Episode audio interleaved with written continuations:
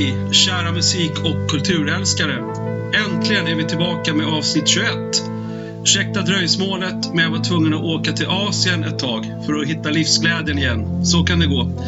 Idag har vi en legendarisk gäst som sjunger i bandet som skapade en egen unik värld med texter om dekadens, ett fantastiskt passande gruppnamn med en klädstil som var överlägset det stiligaste bandet i hela Sverige och troligtvis för all framtid. Och naturligtvis suveräna låtar.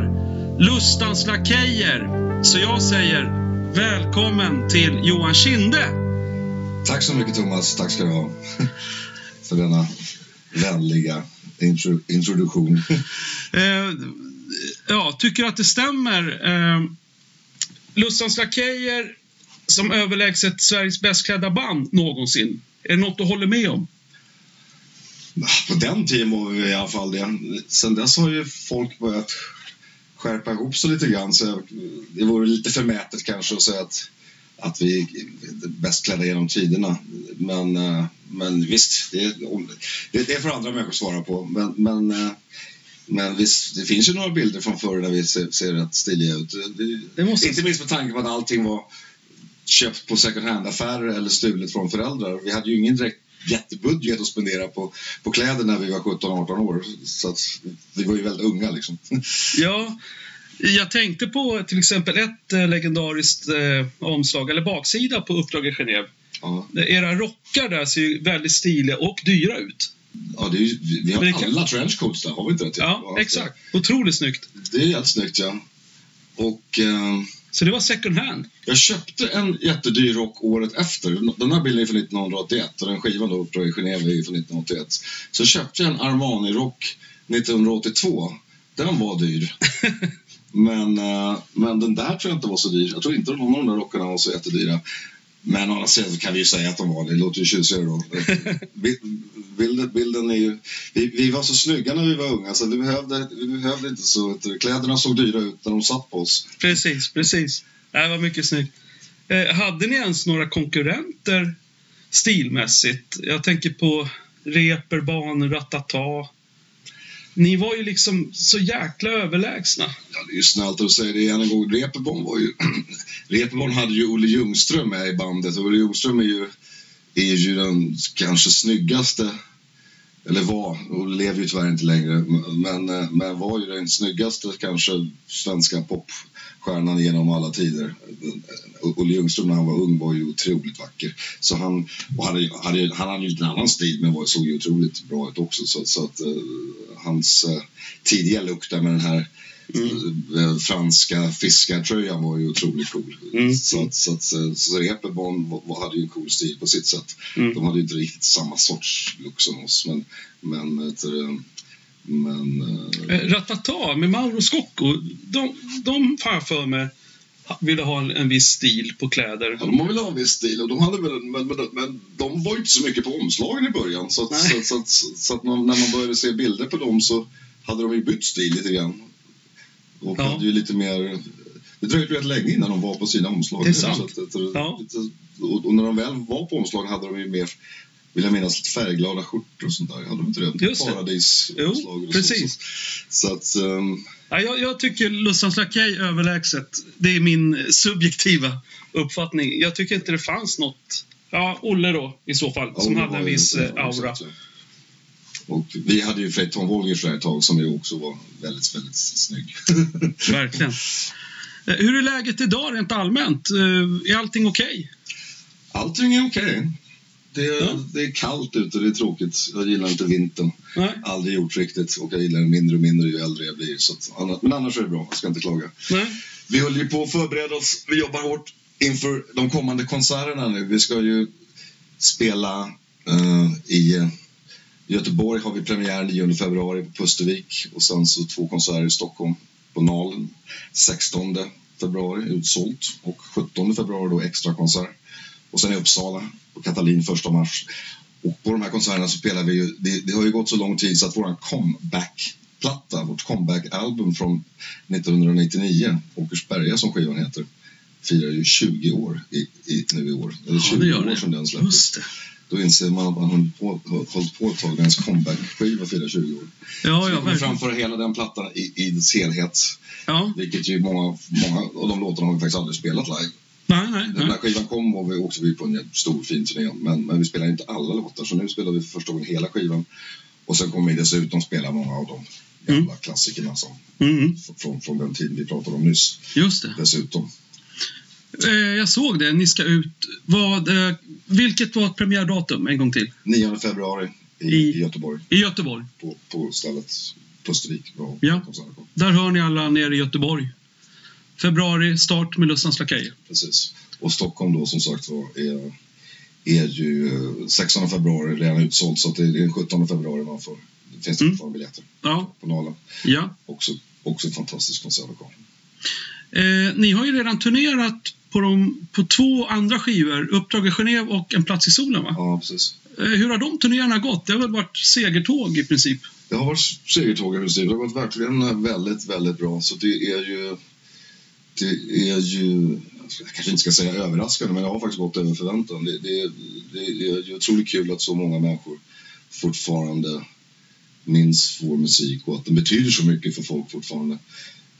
Även de, vissa journalister som gillade oss när vi slog igenom Mm. på, på, eller innan vi precis hade slagit igenom så var det vissa journalister som hyllade oss men, men som ändå sa då tidigt 80-tal, 1980, 81 där som sa passa på att lyssna på dem nu för att, för att, att, eh, om ett halvår kommer de säkert vara passé så kommer de vara nu, Okej. 35-40 år senare eller 36 år senare så, så fyller vi fortfarande konsertlokaler och, eh, och betyder fortfarande helt mycket för många människor. Och Mhm. det, är ju väldigt, det är väldigt glädjande.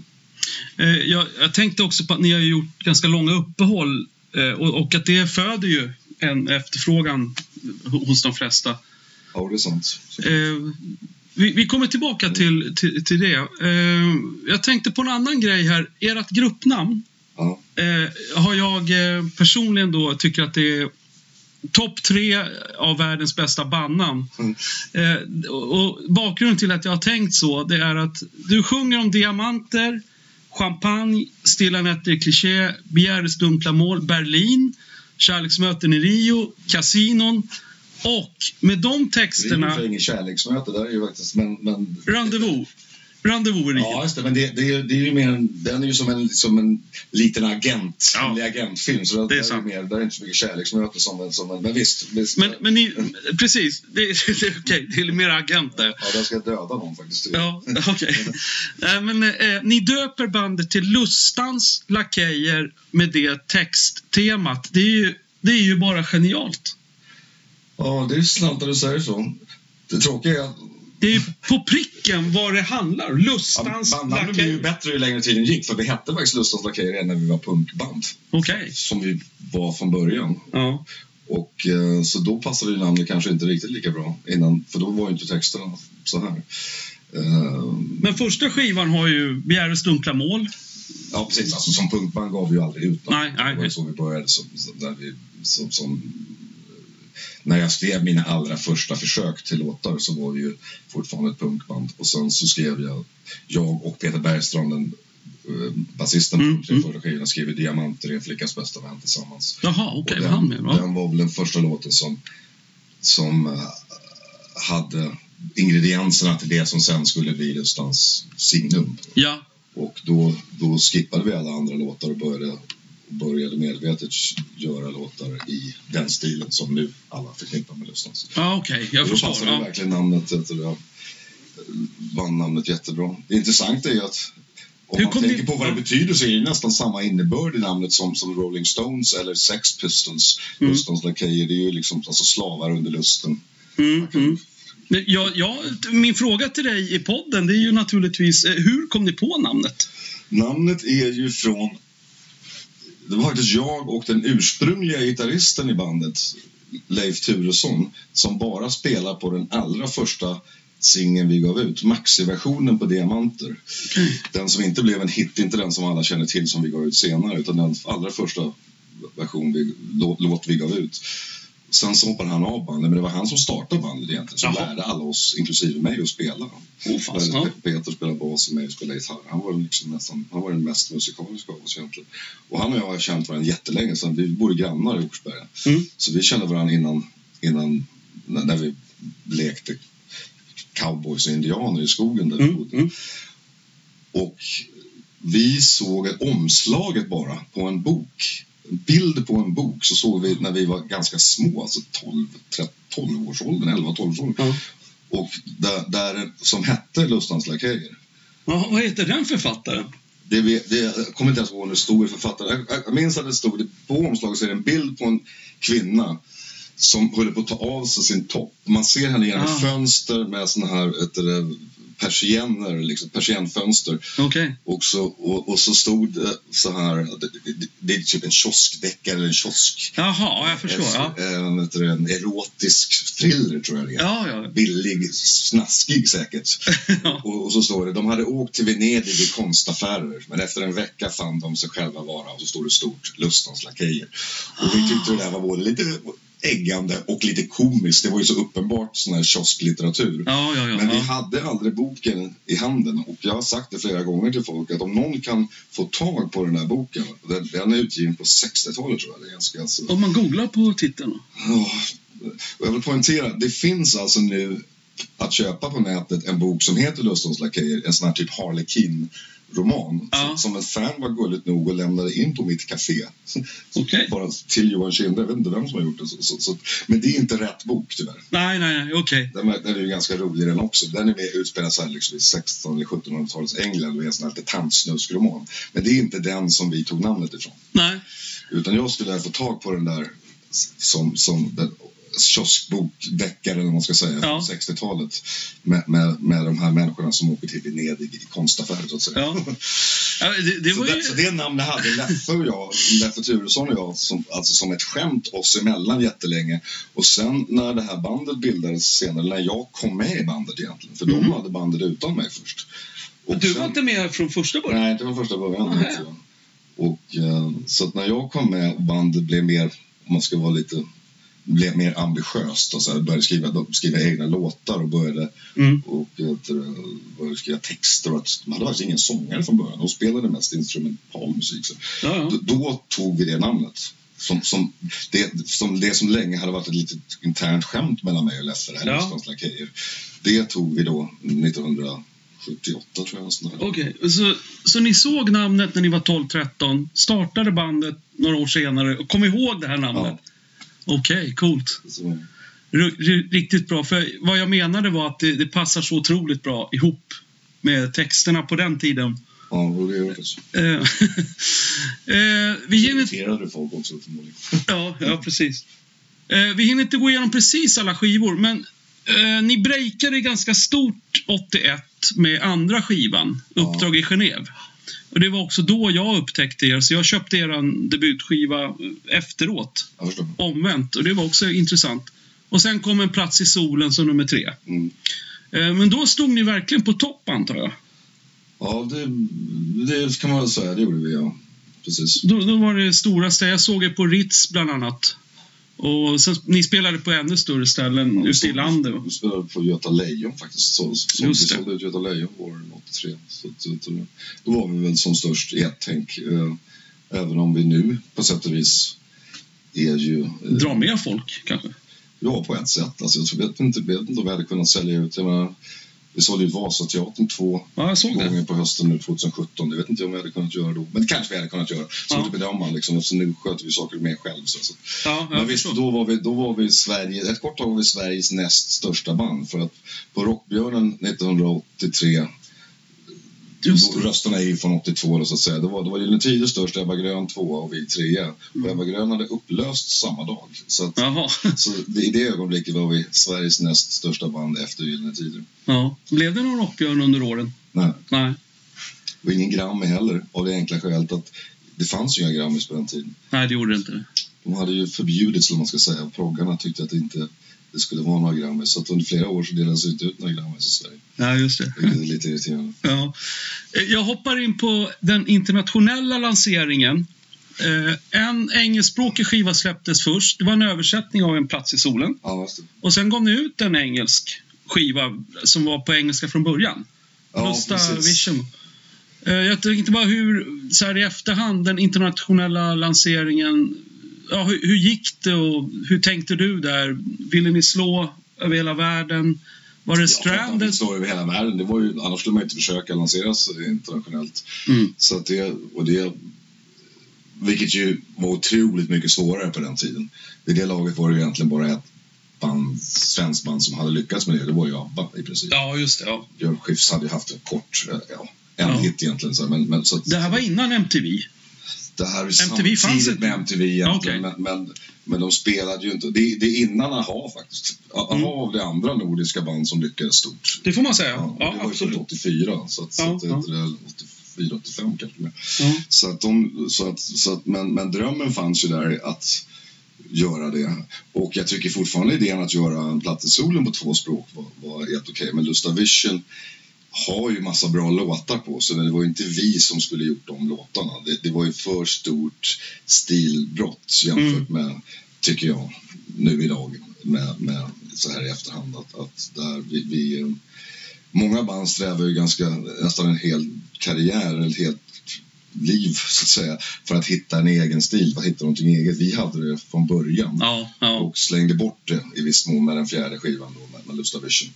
Som sagt var, det finns flera bra låtar på det men, men, men det var inte vår stil längre. Och det var, man, Nej. jag tycker alla band ska utvecklas och det tycker jag vi har lyckats med med de två senaste skivorna vi har gjort. Den som vi nu ska spela live, Åkersberga som kom 1999 ja, och den allra senaste, Elixir från 2011. precis. Jag tänkte med Ja. utlandslansering, jag tänkte det var... Det finns ju olika mått hur man gör. Alltså, var ni ute och turnerade i Spanien och Frankrike eller var det radio, radiomässigt som det handlade om och marknads... Så, så ambitiös och så långt. Den släpptes i vissa länder. Mm. Jag kommer inte ihåg exakt vilka. Som, Eh, USA eller Europa? Nej. Japan, Portugal vet jag, Australien kanske. Det, finns, jag har lite olika utgåvor av de där skivorna. Mm. Det var ju aldrig några större satsningar av Nej, de nej. länderna som gav ut dem och vi var aldrig iväg och gjorde ens radiopromotion eller sånt där. Ja, men då förstår jag, ja. Det, var ju inte det. Var det Stranded som höll i allt? Det var det väl, precis. Men, men, det var ju, men sen när det väl hamnar på andra skivbolag utomlands då måste ju de skivbolagen Ja. de länderna lägga ner energi Mm. på det. Mm. Så att, eh, och det, det, det skedde ju aldrig. Så, så det var ju inte direkt så att vi så att vi själva la ner en enorm energi på det heller. jag det hade vi ju gjort såklart om något skivbolag någon annanstans, om det hade hänt någonting. Mm, mm. Om någon låt hade blivit en hit någon annanstans exempelvis. Ja, då kör man ju på då, precis. Ja. Så att, så att, men, men det var ju aldrig... Vi, vi eh, det gick ju väldigt fort allting på den tiden. Vi gjorde ju fem skivor inom loppet av ja, fem år, eller fyra år snarare, på den tiden vi, vi, vi spelade in dem. Det, det gick ju liksom... Man hann inte tänka efter så mycket. Och, och säkert 10-15 turnéer på den tiden Ja. i Sverige. Så, att, så allting gick slag i slag. Liksom. Så det, det krävs ju att andra människor tar tag i den affärsmässiga Ja. biten på något Ja, sätt. ja, visst. Eh, vi hoppar till 1985. Ja, Då är ni tillbaks på svenska. ja, Sinnenas rike. Och då är Anders Eriksson med på gitarr. Ja, det var han redan på Gustav. Ja, jo det var. Och sen... Ja, du får rätta mig om jag har fel. Men de andra medlemmarna är inte med på Sinnenas rike. Inte på Gustav heller. Nej, Det originalmedlemmarna. Det duo. Och det är också mitt fel. På samma sätt som att vi bytte stil för så, så, så var det ju mitt fel att uh, vilket ju också gjorde att vi tappade vårt sound i mångt och mycket. Jag Okej. heter... eh, Men den hade en... Jag kommer ihåg att den spelades på radio, singlarna. Eh, Brustna hjärtan, Ja, precis. Patrull heter de. Rosens-patrull. Den gick ju som tusan på radio. Absolut, det är det en jättebra det var en låt också. skiva. Det är, också, det är en jättebra låt på många sätt och vis. Men även där kan jag tycka att den skivan, även om vi var tillbaka på svenska och många bra texter. Mm. Vissa, väldigt bra texter och många bra låtar. Men det, även där tycker jag att det har tappat. Det, det, det är lite grann för mainstream på något sätt. Att vi, vi har Okej. lämnat det originella. Den är inte lika originell som de tre första skivorna. Kan jag tycka. Jag är Eh, ledsen om det är någon fan som sitter nu och tycker att det är bästa ja, det finns ju risk för det, det. finns, det, finns, det finns många bra låtar på den. Ja, ja, visst. Och, och, det, och, och jag tycker i viss mån att texterna har utvecklats, eller man ska säga. Man kan ju inte sjunga om eh, Rio och eh, champagne hela, hela tiden. Så, att- så Ja, att, Brian Ferry höll ju på länge med det. han verkligen det. Han Nej, han kanske slutar tidigare än vad jag tror. Ja. Nej, jag tänker på Avalon-plattan där. Då hade han ju ändå hållit på i 25 år. Jag tror- Jag tror aldrig han använder ordet champagne på det. Nej, det är möjligt. det vet du Det bättre. är, det, är, det är också lite så att både Brian Ferry och jag har ju egentligen, aldrig, har, har egentligen mest sjungit om kärlek. Och Ja. Framförallt för, förlorad olycklig kärlek. Sen är det bara, använder du ordet champagne eller några tjusiga städer på tre låtar så är det de som folk minns. Ja. Det, det, det, är ju, det, det blir ju lätt så att, att de flesta texterna är ju eh, Även om både jag och Ferry kanske gör det på ett elegant sätt så är det Mm. ändå kärlek Ja. som det handlar mest om faktiskt. Jag, jag, jag, hopp, jag måste bara, när du säger så måste jag bara säga att Uppdrag i Genève, ja, varken före den skivan eller efter så har jag någonsin... Det är ett väldigt eget textspråk om det här med spioner och agenter. Lite champagne nämner Ja, du på det. den skivan. Alltså det är så eget. Det, det fanns inte något band innan och heller inte efter vad jag vet som hade den här... äh, Ja, det, det två- vackra är livet två om man låtar på säger. den som har det här spionagent-temat som man har upp, som upptäckt. Det, det, det är Radio Rio och Mellan Skugga. Och Mellan Mm. Skugga har ju dessutom lite grann vilket, den, den handlar ju egentligen lite grann också om att, att om någon sorts hämndbegär. Att alla vi som var i bandet då hade när vi var yngre blivit mobbade i skolan. Så att, Ja. så att det är lite grann att nu ska vi, vi, ska, vi ska visa er som att Män och Skugga är vi i bandet. Ja, okej. Som, Ja, jag förstår. Som, som, ska le, som ska leva det här livet i Ja, tror, Ja, det var. Danskvinnor och champagne där skuggor svepte fram. Så att det är ju ja. så att det är både en fascination som vi hade då just för den här, man hade m- m- som James Bond-filmer och sånt som man hade börjat se när man Mm. var så, så att, eh, Men det är ju bara, även där, det är bara två låtar på skivan som handlar om det. Sen, sen så är det ju mycket om, visst, den- den är ju lite lättare i tonen dock än skivan innan. Mm, mm. Som är väldigt mörk, men, men, eh, men eh, visst, visst var det ett nytt, det kan jag förstå en upplevelse. Jag, jag tyckte det var nytt- unik. Jag, jag tror att den var så himla nyskapande. Och ert break var det ju också. Uppdrag i Genève-skivan. Ja, Stilla natten var ju första, första hitsingeln. Den är lite lustig, Stilla natten vid Clichy, som ligger på den. Mm. Som ju är en ordlek då, eller vad ska man säga? Det, det finns ju en roman av Henry Miller som heter Stilla dagar i Clichy. Ja, Clichy är ju en stadsdel i Paris. Ja, och en gata också. Ja, just det. Ja. Som ligger där uppe. Och, eh, och eh, jag hade faktiskt idén till den innan och har till och med skrivit en mycket sämre version av den tror jag. Och sen så är jag och min dåvarande flickvän jätteunga. vi. Hon har precis fyllt 17 och jag ska precis fylla 18. Så, så åker vi en vecka till Paris våren 81. Så att stora delar av den texten är faktiskt självupplevd. Ja, Alltså. Vilket ju ingen tror att några av de där texterna på den tiden är. Nej, nej. Så att, eh, det är lite intressant med den att, att jag, jag hade den där för jag tyckte det var så snygg hans romantitel. Mm, mm. Och jag tror jag läst romanen men, men den, är ju, den handlar ju mest om en amerikansk författare och på dekis i Paris på, på 30 eller 40-talet. Så, så den har ju ingenting med min text gemensamt utan att jag bara använder mig av titeln byt dag till natt. Mm. Och sen så, sen så är faktiskt större delen av texten det som hände mig och min Ja, ja. flickvän. Okej. så, att, så att det är inte bara Nej. ung mans fantasier utan Nej. det är också lite, lite självupplevda saker. Ja, Paradisets portar är ju fantastisk. Ja. Sista spåret. Eller hela skivan, det är 10 poäng. Och den, den är många som har som favorit. Ja, det Det är handlar det. ju också om den, om Ja. samma tjej faktiskt men, men lite senare då tyvärr när, när saker har börjat gå lite sämre. Ja, Så den, ja den är vacker. Ja, den är väldigt vacker. Hela skivan är ju fulländad om man frågar mig i varje fall. Ja, det är väldigt mycket bra låtar på den faktiskt. Det håller jag med om. Låter lite skrytsamt. Men med tanke på inte minst att vi hade ju gjort eh, den första skivan Mm. väldigt nyligen. Mm. Ja, det är samma år nästan va? Ja, Som de den hade släpptes. spelats in hösten Ja, ja, just det. hösten 80. Men den hade ju tagit ganska lång tid att skriva. Den hade jag skrivit helt själv. Och, och, eller lång, lång tid. Men, men jag hade ändå haft något år på mig. Vi hade Mm. slängt alla som sagt var tidigare punklåtar så att det hade ju ändå så att det hade ändå skrivit den hyfsat fort. Men, men sen ger vi ut den där för- den första skivan kom ju ut februari 81 och sen så, så hade jag kanske någon låt klar, ett par låtar klara men sen skriver jag och Tom Wolgers sex eller sju av de här låtarna på tre månader. Liksom. Två, Ja, två tre månader på, Ja. på, och börja spela in den sommaren 81 och så kommer den på hösten 81. Så vi skrev den rätt fort. Alltså. Med den kvaliteten. Men den kvaliteten, Otroligt. Det, det, det, det, är jag ganska stolt över. Vi, vi lär ju känna varandra då februari, mars 81 och sen så började vi skriva ändå mars 81 och, och i maj, juni 81 så är vi klara. Då. Mm. Spela in. Så, så vi hittade väldigt bra kreativt samarbete. Ja.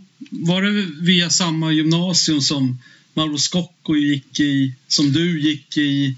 Det Ja, verkar vara mån var många som så. möttes. Jag, jag, jag lärde Östra Real. Ja, Östra Real, ja precis. Skolan som Mauro kallar det med stort S.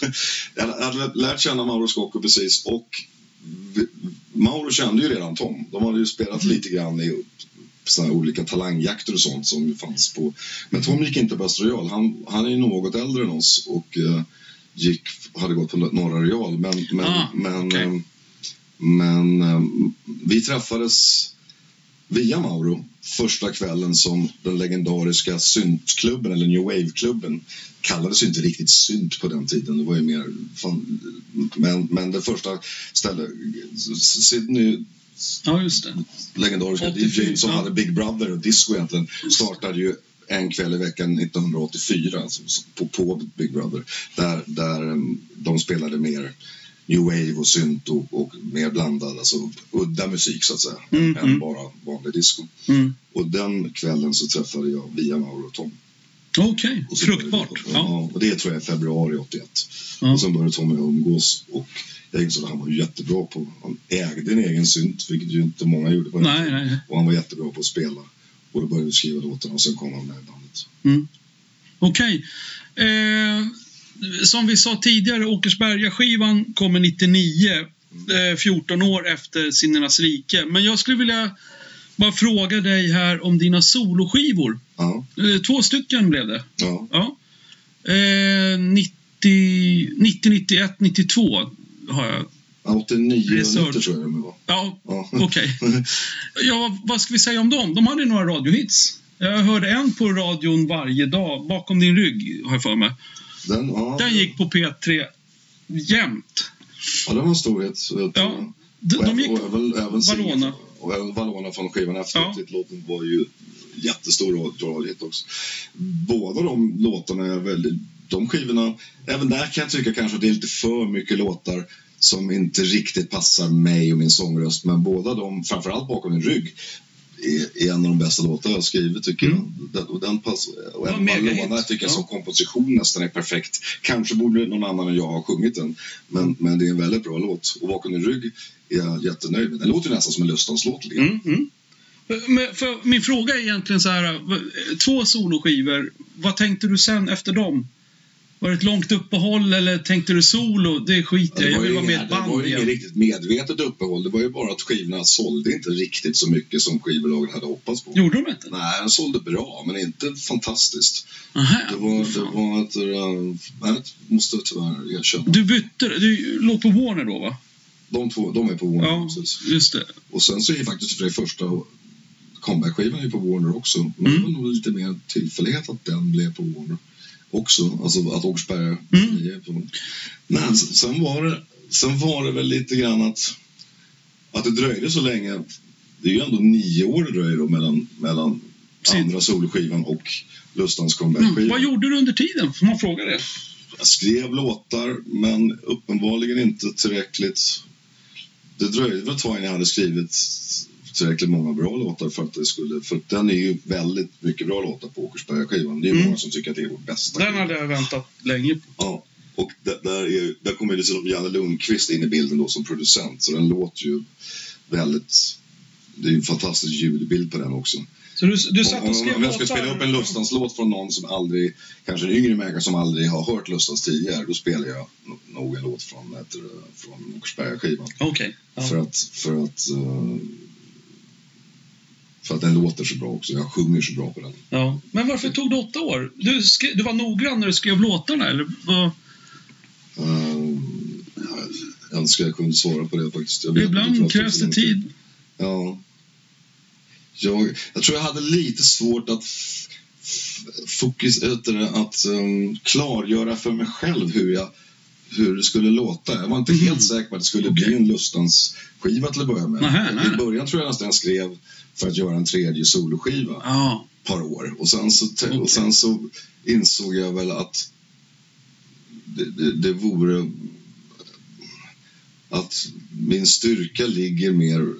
Ska jag sjunga låtar själv så, ska de, så passar min röst bättre till det som, som förknippas med Lustans på något sätt. Mm. Det, det dramatiska Mm. i, i, i, när, när låtarna är dramatiska.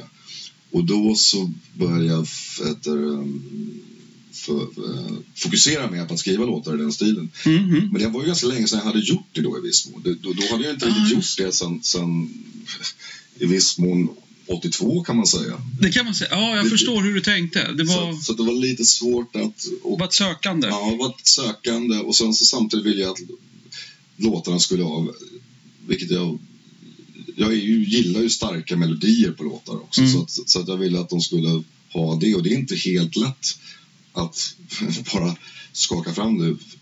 Finns låtar som har en viss stil och ändå är starka melodiskt. Men ehm, eh, så därför tog det och sen så måste jag erkänna att, att, att jag under den här perioden var rätt lat och kanske lite, jag festade för mycket. Jag, jag kan- var lite eh, rotlös och fel ord, lite, lite o, o, o, Motiverad. vad sa du? Omotiverad.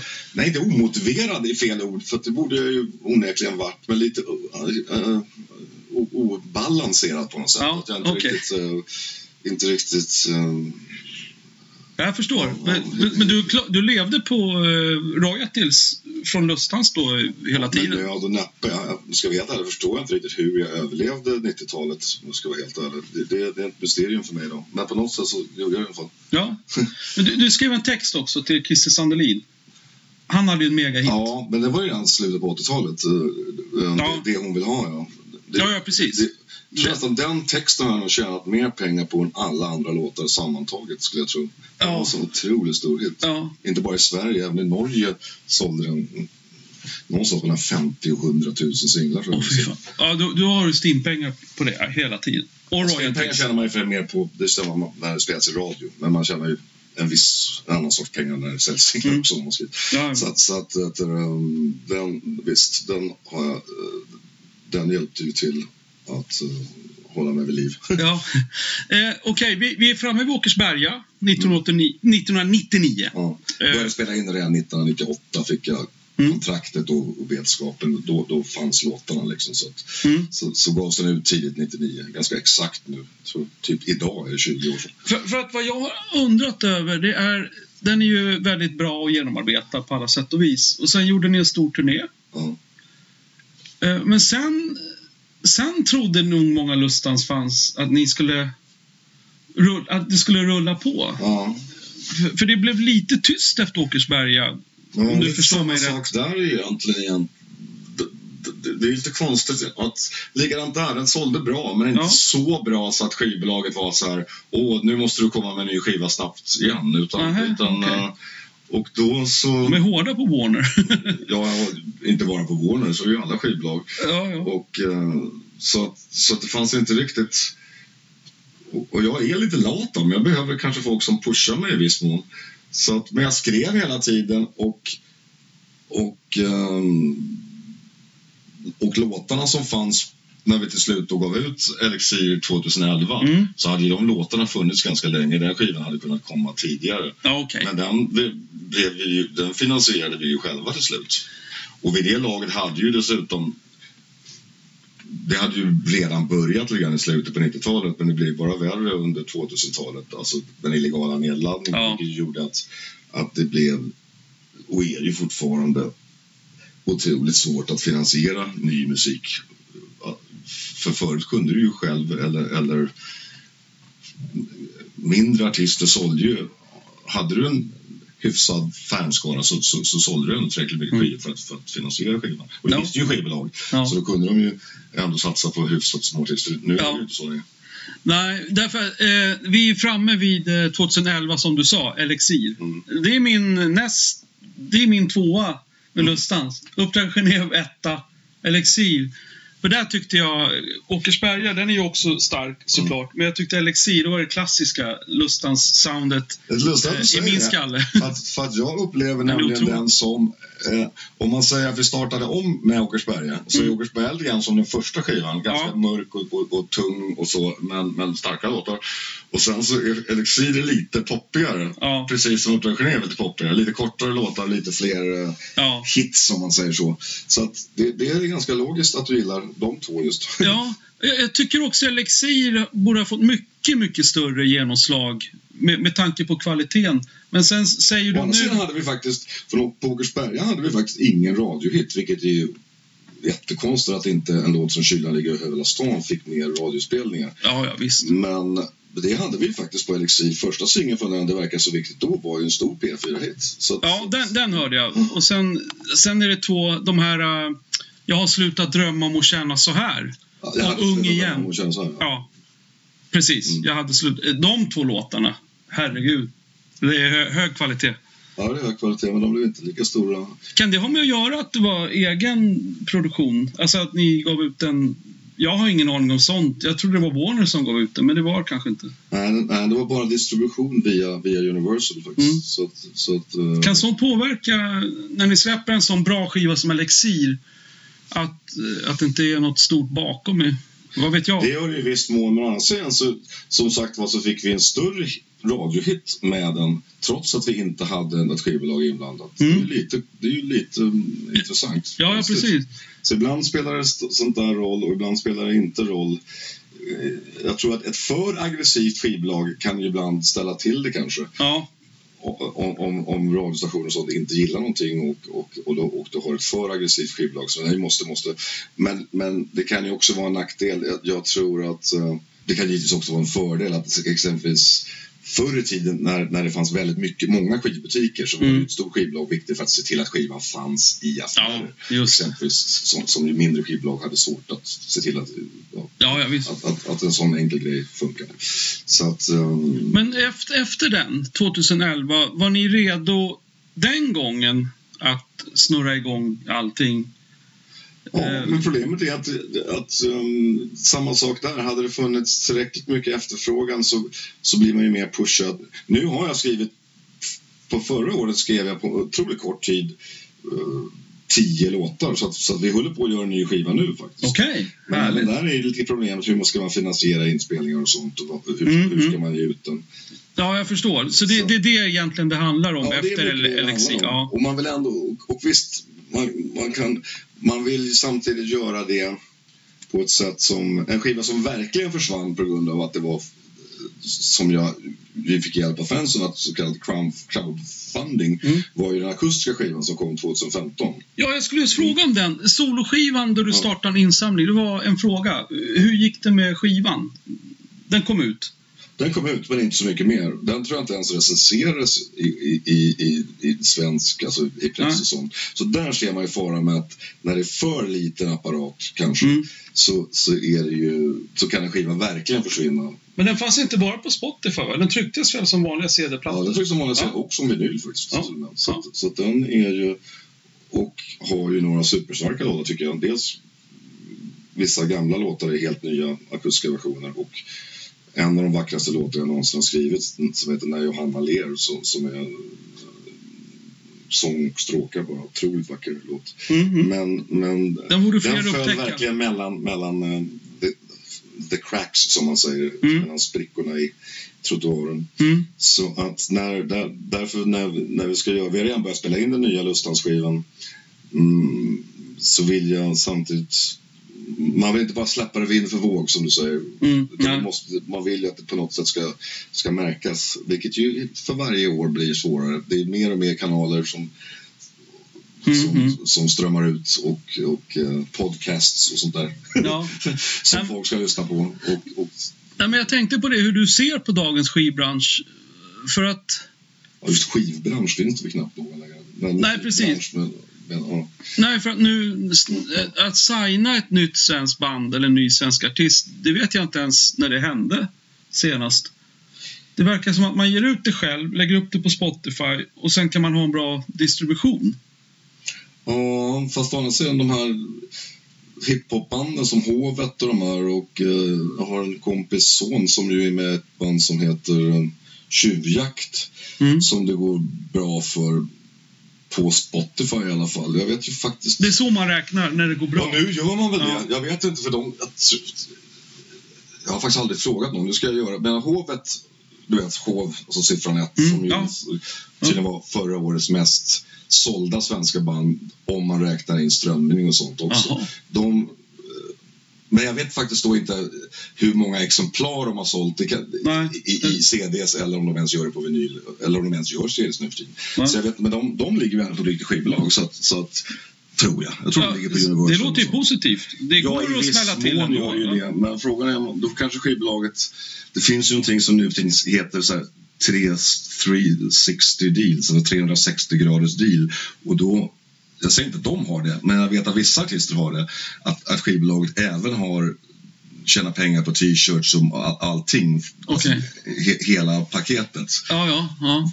Och det kan jag i viss mån förstå skivbolagen för att vad ska de när inte skivor säljer längre så måste de Nej. tjäna pengar på någonting annat.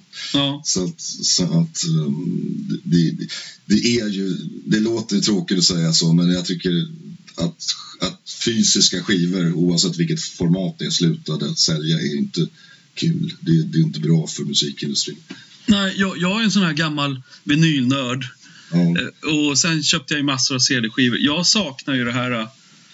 Eh, om vi tar CD då, för att inte låta allt för gammal. Ett CD-booklet Ja, med bilder och se vilka som spelar. Texterna såklart. Ja.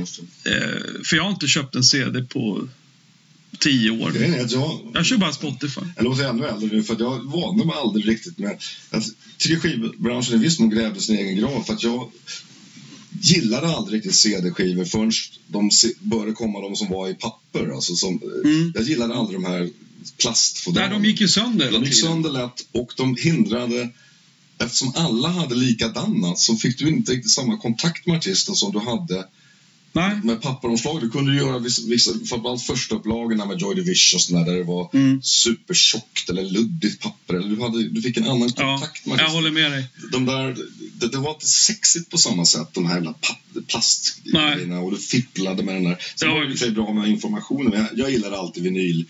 Just att det var större bilder också. Mm. När, när, när, vi gjorde, man gjorde, när man gjorde omslag till vinylskivor så, så tänkte man mer visuellt. Eller det gick att tänka mycket mer visuellt. Ja, ja, visst. Ja, men jag håller helt med. Det, ju- jag höll på att tänka, jag har omslaget till nästa Lustans-skiva och titeln klar i huvudet. Och två av bilderna klara till och med, för jag har tagit dem själv. Och sen så vet jag precis hur de andra bilderna ska se ut. Men det tråkiga är att jag tänker hela tiden som en gatefold vinylomslag och vi kommer Ja. att göra en sån också. Men det kommer ju vara ganska få som, de större delen av människorna kommer ju bara se den som en liten thumbnail Ja, ja, ja, på, ja. På, på Spotify. Och Okej. det är ju lite tråkigt. Ja, när det finns fyra sidor bilder som är uttänkta att hänga ihop liksom. Ja. Ja. De flesta bara ser en liten, liten bild på framsidan. jag kommer köpa Ja, vinylversionen. det är toppen. Det gläder mig. Den trycks väl i vinyl? Den kommer tryckas i vinyl. Ja. Det, det är till och med så att den kanske bara kommer tryckas i vinyl. Mm. För att nu för tiden. Ja, det, det börjar komma tillbaka. Jag köpte en ny vinylspelare nyligen. Det får ni också göra faktiskt. För då blev jag mer peppad. att springa och leta. snyggt om man köper... Om man, det finns ju nu sådana som är både bra och... Det, det är ju en snygg möbel också. Mm. Det är en snygg inredningsdetalj om du köper en riktigt snygg spelare. Och många av dem väldigt bra är ju rätt snygga också. Exakt. Det är mycket Den jag har är fördelar. ganska ful faktiskt. Och inte så, den ska, den ska, jag ska faktiskt köpa en ny också. Ja. Eh, när kommer du att vara med i Så mycket bättre? Ja, när de frågar mig höll jag på att säga. Mauro har inte heller varit med. Mauro har de säkert frågat, han har bara tackat nej tror jag. Du tror det? Ja. det tror jag. Han är inte Jag, den... jag, jag, jag vet inte det säkert, men, men, men jag skulle vara förvånad om de inte har frågat honom. Så att jag, och jag, Orup var med, han känner du? Orup känner jag, Ja. han var med. Just. Däremot vet jag, det kanske jag inte ska säga, men jag vet att Orup tackade faktiskt nej första säsongen. Han, var, han, han tillfrågades redan första säsongen. Jaha. Men jag förstår varför han tackade nej. Och det var säkert därför det dröjde så innan han fick vara med. Ja. Men, men det är ett vänligt koncept, Ja. nästan lite för vänligt. Ryggdunkningar Ja, hela alla tiden. så jävla gulliga mot varandra. Men du tackar ja om du får förfrågan?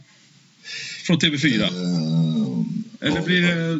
Ja, det gör jag väl. Det beror Olle känner jag inte lika bra som Orup, men, men, men, att, eh, men eh, visst, jo, jag känner, visst, jag känner, ja.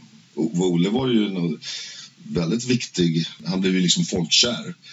Ja, efter Så mycket bättre. Ja, Så mycket ja, bättre, ja, precis. Så, så för hans del var det väldigt viktigt. Nej, ja, vi, vi skulle jag vara med, absolut. Oh. Det, var, det, var på någon, det var på någon Lustans hemsida, eh, eller på vår fansida, där de säger de är upprörda att inte jag har fått vara med. Och då, Mm. och, och, och då var det en som dock sa, i den här långa tråden då, när, när, när de verkligen ville att jag skulle vara med, så var det en eh, kvinnligt fan som sa för det är ganska roligt att eh, men Å andra sidan, vill man verkligen höra Kikki Danielsson sjunga Diamanter?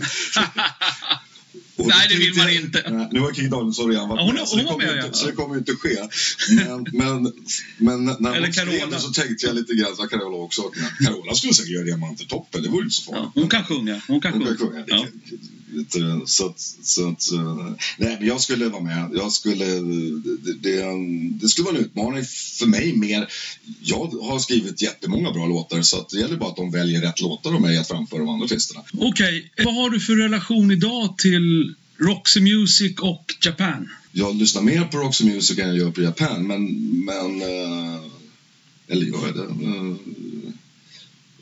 Det är lite, Roxy Music har gjort mycket, mycket fler skivor ju, och Jo. fler olika stilar. Det får man Så att jag, så att jag, eh, jag, jag, jag gillar dem båda. Jag, Mm. det, Japan är lite mer, min favoritskiva med Japan är faktiskt Quiet Life. Ja, min med. Ja, okej. Den gillar jag bättre än Tin Drum faktiskt. Jag tycker Ja, om drivet min, min, min ordning är faktiskt Quiet Life och sen Gentleman Take Polaroids och minst Tin Drum. För att- Jaha, okej. Ja, för ja, att Tin jag Drum. tycker Tin Drum är, har ju vissa jättebra låtar men är lite för jazzrockig nästan här och där. Ja. Det, det, det, det, det, är lite mer så, det är lite för, här och där är lite för. Sen finns det ju vissa grejer som är superbra.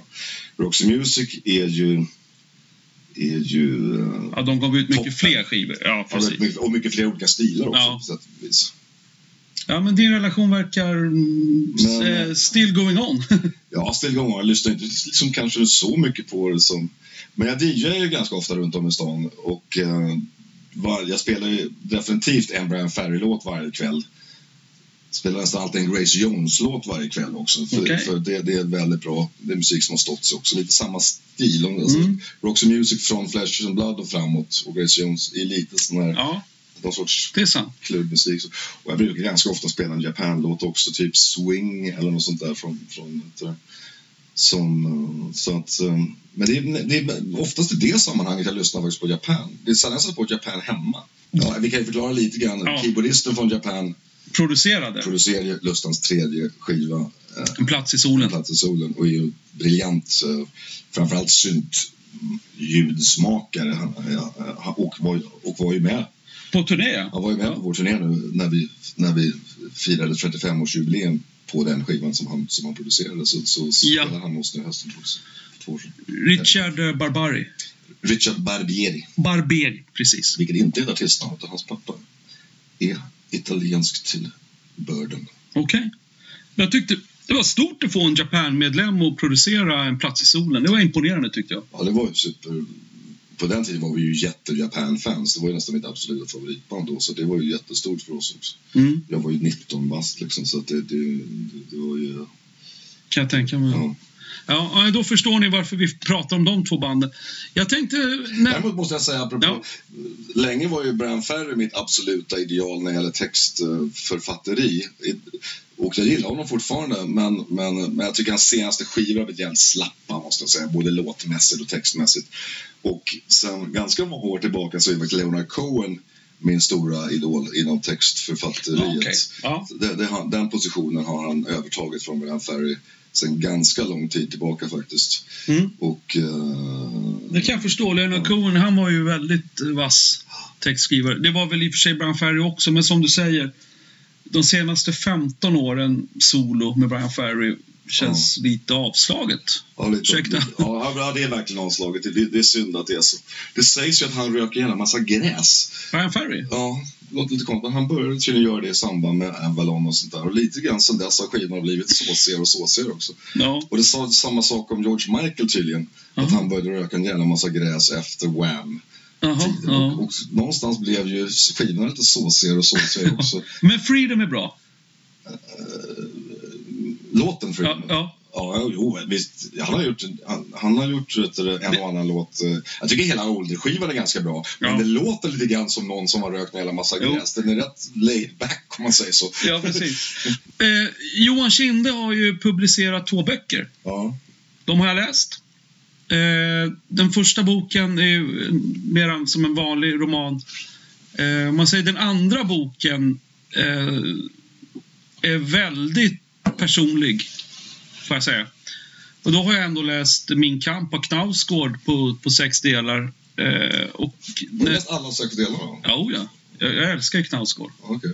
Jag läste den första. Jag börjar läsa om dem nu också. Ja, jävlar. Ja, den är ju välskriven. Jag kände bara att jag orkade inte läsa vidare, men... eh, Nej, det, det kräver sitt tålamod. Alltså. jag, jag tycker de är ganska lättlästa för men Ja. jag kände bara så att behöver jag veta... Ja, vi ska inte prata om honom. Nej, Men, ja, men att jag tog Knausgård är för att eh, den som inte har läst Min kamp av Knausgård är att han skriver om sitt liv som det var helt enkelt. Ja. Punkt slut. Och det, det, så är det. Johans bok, eh, den andra boken där, den är ju också väldigt transparent. Eh, man tänker Precis. sig att eh, man, jag ser den inte som en roman riktigt, utan jag ser den mer som att... Ja, den är ju släppt. Den, den, den är ju släppt under benämningen självbiografi. ja, jag skulle ju säga det. heter till att börja med Passera denna natt. Kan ju vara bra för folk att veta. Passera denna natt. Istället för bara, det är svårt att leta reda på Johan Kindes andra bok. Det kanske inte är förresten. Passera denna natt. Läs den, kära poddlyssnare. Mycket stark och personlig. Var den tung att skriva? Eh, nej, inte... Det är ett tungt ämne. Ämnet är ju... Den utspelas ju under en natt i princip. Under hösten 2007. När jag... eh, Är det så länge sedan? Okej. Ja, så länge sedan är det. När jag eh, hade... När, mitt i, under hösten 2007 så drabbades jag av, av en, en djup depression som ju utlöstes av att jag... Och jag var tvungen att inse, liksom, vilket jag någonstans hade känt på mig då, att jag, att jag, att jag lider av bipolaritet eller mano, manodepressivitet som det kallades förut och som jag egentligen gillar bättre som term fortfarande. Mm. Den känns bättre på något sätt. Ja, ja man, man ska inte säga det, men många, många av oss föredrar den termen. Hur som helst, att boken, boken är ju En beskrivning, va? beskrivning Ja. av en natt när jag sitter och funderar på om jag ska ta livet av mig eller inte. Det låter ju väldigt mörkt, men den har samtidigt lite svart humor. Och sen så, är, Mycket bra bok. och sen så går, går den ju utanför det här rummet lite grann också. Tillbakablickar på min barndom, tillbakablickar till vad som har lett fram Mm. till att jag sitter där jag gör Mm. och, och, och fundera på det här hemska beslutet. Um, spoiler alert, jag sitter ju här så. Nej, men den tycker jag alla ska köpa på nätet, eller en bokhandel. Nätet kanske är enklare att hitta. ja, kanske det. Eh, personlig bok om ett läge i ditt liv, helt enkelt. Och mycket tillbakablickar också. Och mycket tillbakablickar också. Den första Mycket boken bra. har ju sina poänger också. Den är ju lite mer, den är ju lite mer nästan skriven från en, med en tonårings ögon. För den Mm. utspelar sig, den, den, den är ju en roman med, med um, En sorts extas. Någon sorts, Någon. någon sorts. Förlåt, Den utspelar sig tidigt 80-tal. Det är ju lite grann nästan som en fiktiv variant av Lustans tidiga år kan man säga. Mm. mycket där är sant också och andra, andra, andra saker är ju helt uppdiktade. Men det, men det är väldigt mycket av stämningen i Stockholm som ju faktiskt var en väldigt annorlunda stad på den tiden, Ja, tidigt 80-tal. Det fanns ju väldigt få klubbar och sånt och, och, och eh, Mm. vilket kanske är bra men också ganska mycket tråkigare på ett sätt som inte var så bra. Så att, så att, eh, och, och de här unga männen, pojkarna som försöker upptäcka både, både kärleken och, och staden. Så, att, så att den är, har sin charm. Mm, Men som sagt var, Passerad denna natt är, är ju en lite mer djuplodande sak. Och grejen var att när jag började skriva den så tänkte jag skriva den är ju i viss mån tycker jag skriven som en roman. Mm. Fast, fast Ja, allting som händer i har ju hänt. Och sen var det faktiskt sk- bokförlaget som propsade på att den skulle ges ut som en självbiografi. Och då, när vi väl hade fattat det beslutet, så var ju Mm. större delen av boken skriven, men inte helt. Då blev det faktiskt svårare att skriva.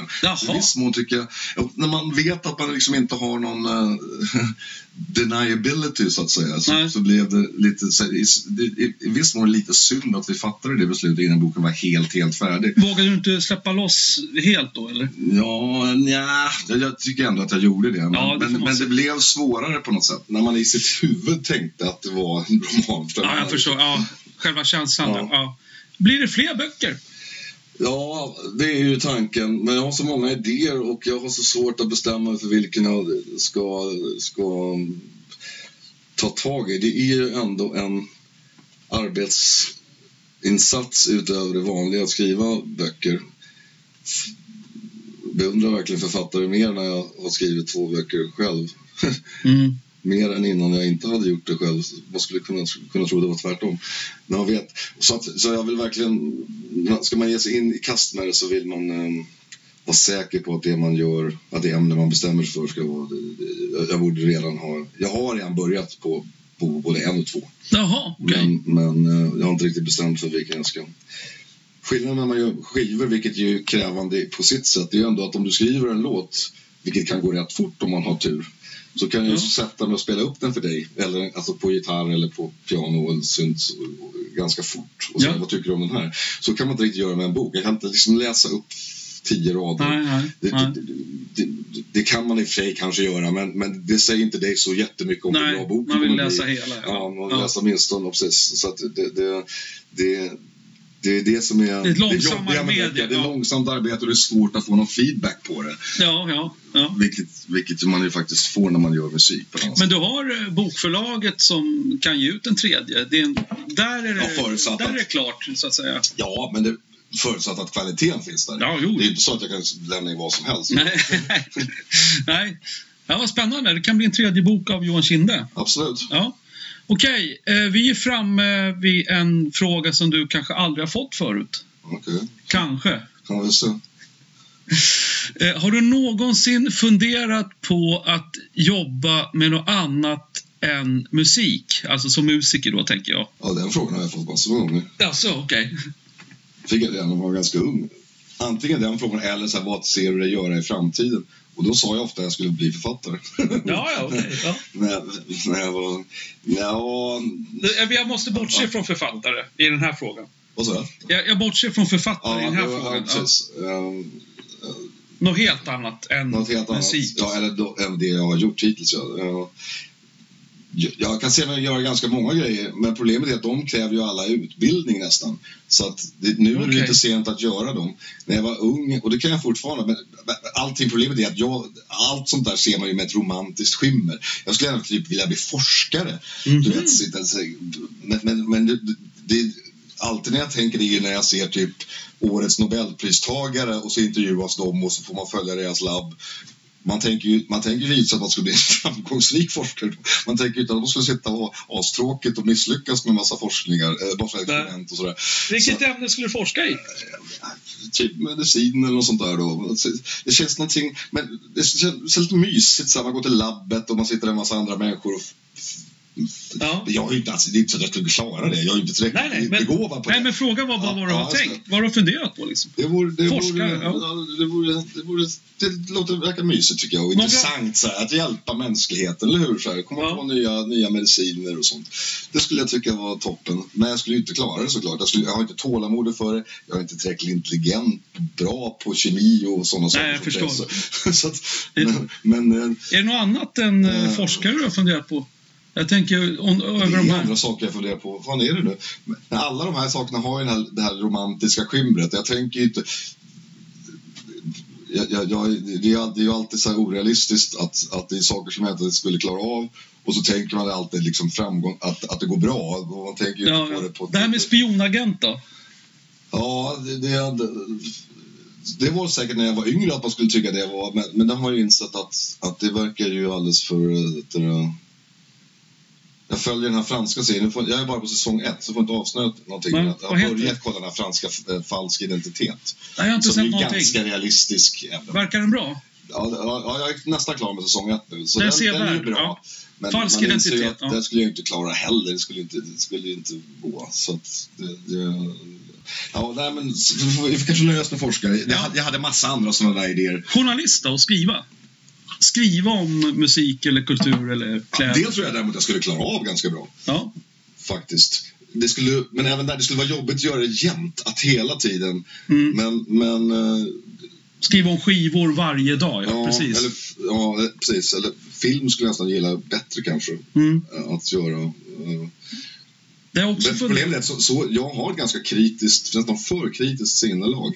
Jag har svårt att se filmer nu för tiden. Jag tycker allting är så overkligt. Och, eh, vissa drama kan jag tycka är bra, men Mm. fort det är så här thrillers eller, eller deckare, böcker eller filmer, jag står inte ut med det. För jag tycker inte, det håller ju inte. Ser ni inte att det här är helt orealistiskt? Hur fan kan folk gilla Bron exempelvis? Det är så orimligt så att man blir helt galen.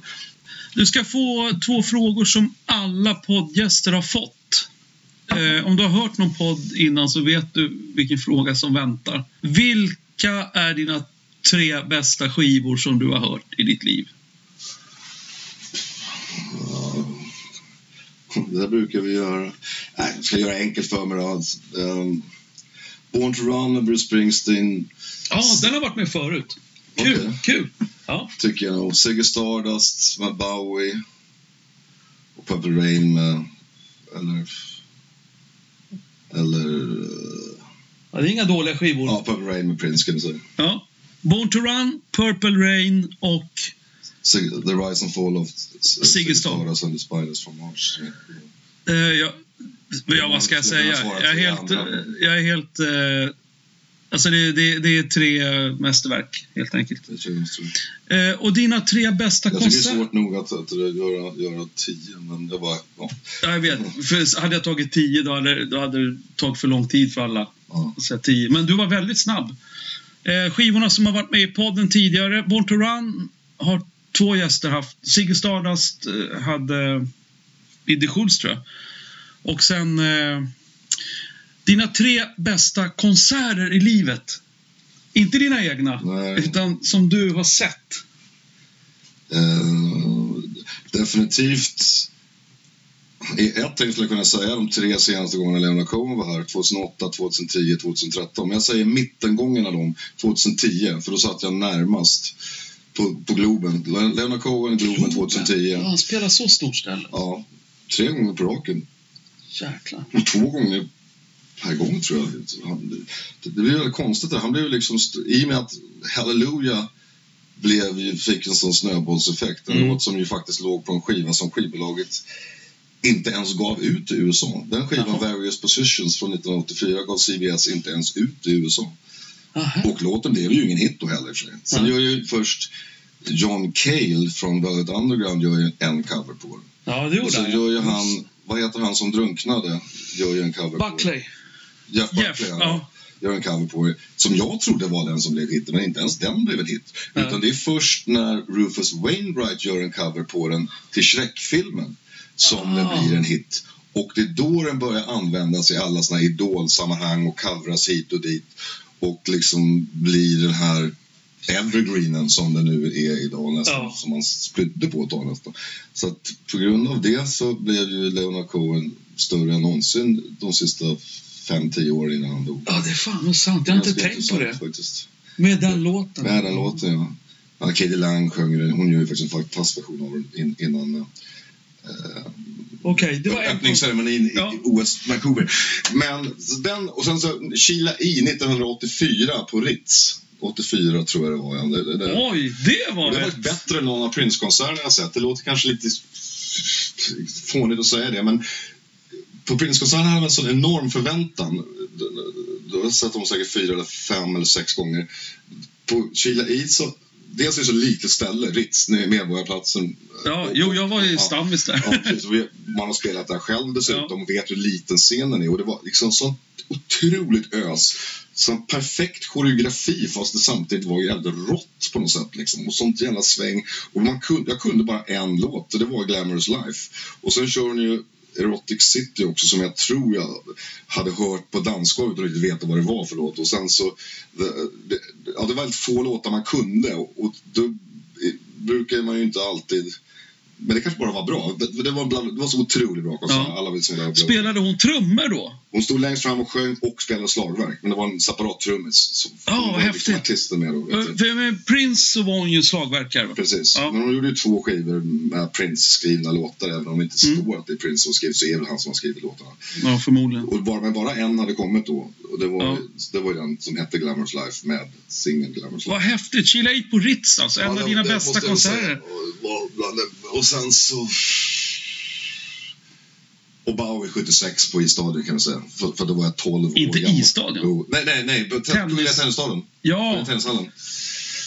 Även om jag inte 76. riktigt hajade hur bra det var för jag var så liten så var det ju ändå att ha sett Bowie Thin White You-turnén är ganska var, ja, du kan inte ha varit gammal 76. Det, det, 12 var jag. ja, det var Så det eh, tack efter vare, tack Station vare to min Station. klasskamrat Helene Spak som, jag fortfarande, som ju var en sån otrolig Bowie-fan Ja. långt innan folk i Sverige, framförallt så unga människor var det, så var hon det hela, hela våran, redan i lågstadiet eh, var hon det och det var tack vare henne som, som vi sen gick på den konserten för att hon, det var första gången Bowie var i Sverige. Ja, det var det ja. Så annars Precis. hade jag aldrig gått på den konserten. Visst var det Station to Station-turnén? Station to Station Ja. Eller om man ska vara noga, Isola som turnén heter. Ja. En annan gäst Eller Isolar heter den väl va? Ja, det Kent-skivan heter Isola, Isolar heter den. Isolar är turnén med Ja, precis. Och Iso- Isolar 2 heter faktiskt, om man ska vara noga då, heter uh, Low och Heroes-turnén som, som kom 78 som jag tyvärr inte såg. Ah, okej. En annan poddgäst har haft Bowie 76 på Tennisstadion. Och han satt där du sitter. Tores Börjesson från Aftonbladet. Jaha, okej. Ni var på samma konsert. Han är lite äldre än Ja, vad, han, vi han minns ju säkert bättre. Johan, eh, är det någonting du vill tillägga som efter alla den, dina år i media? Eh, är det någonting som aldrig har blivit sagt? Är det någonting som alltid har varit missförstått? Som du har chansen att korrigera nu inför tusentals mediamänniskor? Ja, det är väl massa saker som har blivit... Jag, jag, jag, jag sa det lite grann tidigare där att, att trots lite medvetna kanske provokationer med sånt med, med, med, och- att texterna i viss mån handlade om dekadens och champagne och, och, och, och sånt. Så, och att mycket av det som jag skrev som 17-åring faktiskt slog in sen när jag, när jag blev äldre Mm. och ser tillbaka på livet så är det ju ändå så att det, de mest, det mesta av, av det jag skrivit handlar ju ändå om kärlek, längtan, eh, sökandet efter någon sorts lycka eller vad man ska säga, Mhm. någon sorts lugn. Mm, någon slags Det är paradis? ganska eviga, eviga grundläggande frågor.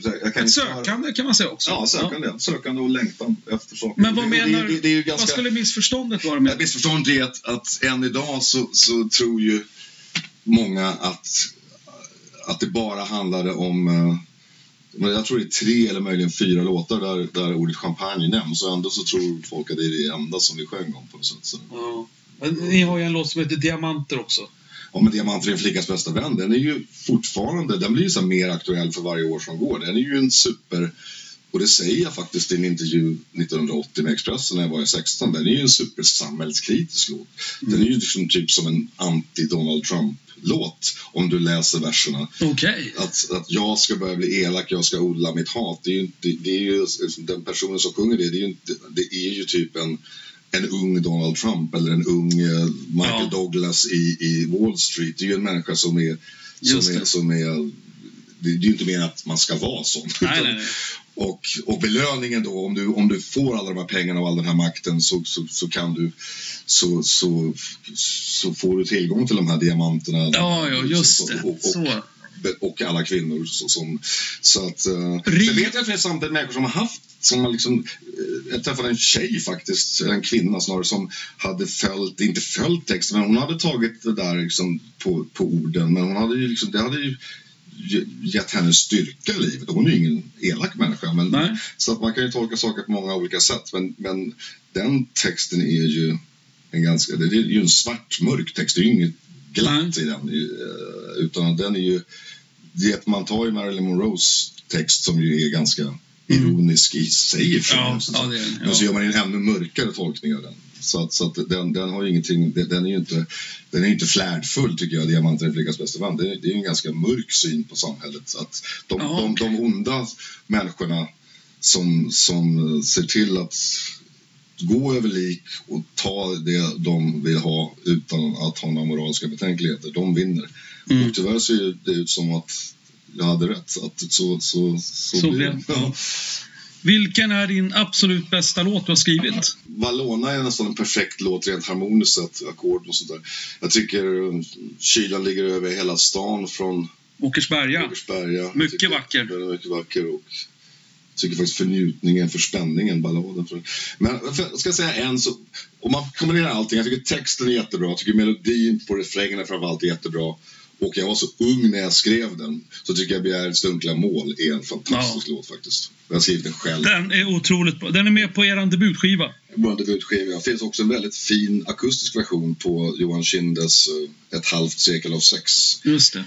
Och tack Johan Kinde för att du tog dig tid att ta dig till Södermalm där vi sitter nu. Och eh, du ska ha ett stort lycka till med turnén som Tack ska eh, ha. börjar i februari. Som sagt var, 9 februari Göteborg, 17 februari Stockholm, 1 mars Uppsala. Vi ses där. Tack Thomas, hej. Tack, hej.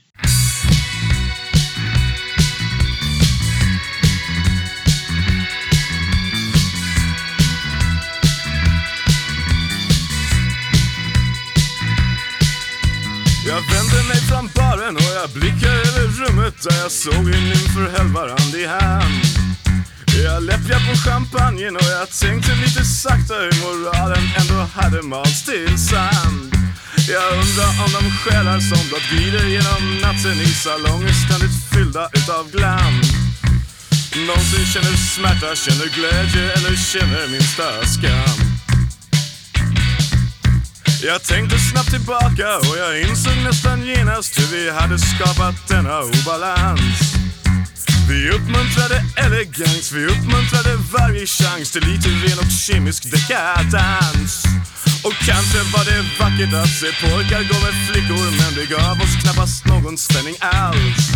Så nu satt jag blasé och såg hur kvinnor kysste längs varandras hals. Vi jagade begär och små. Varje natt mot begärets mål.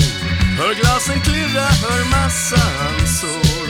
Begärets dunkla mål. Vi jagade begärets mål Som varje år var vårt sista år. Extasen läkte livets sår. Begärets dunkla mål.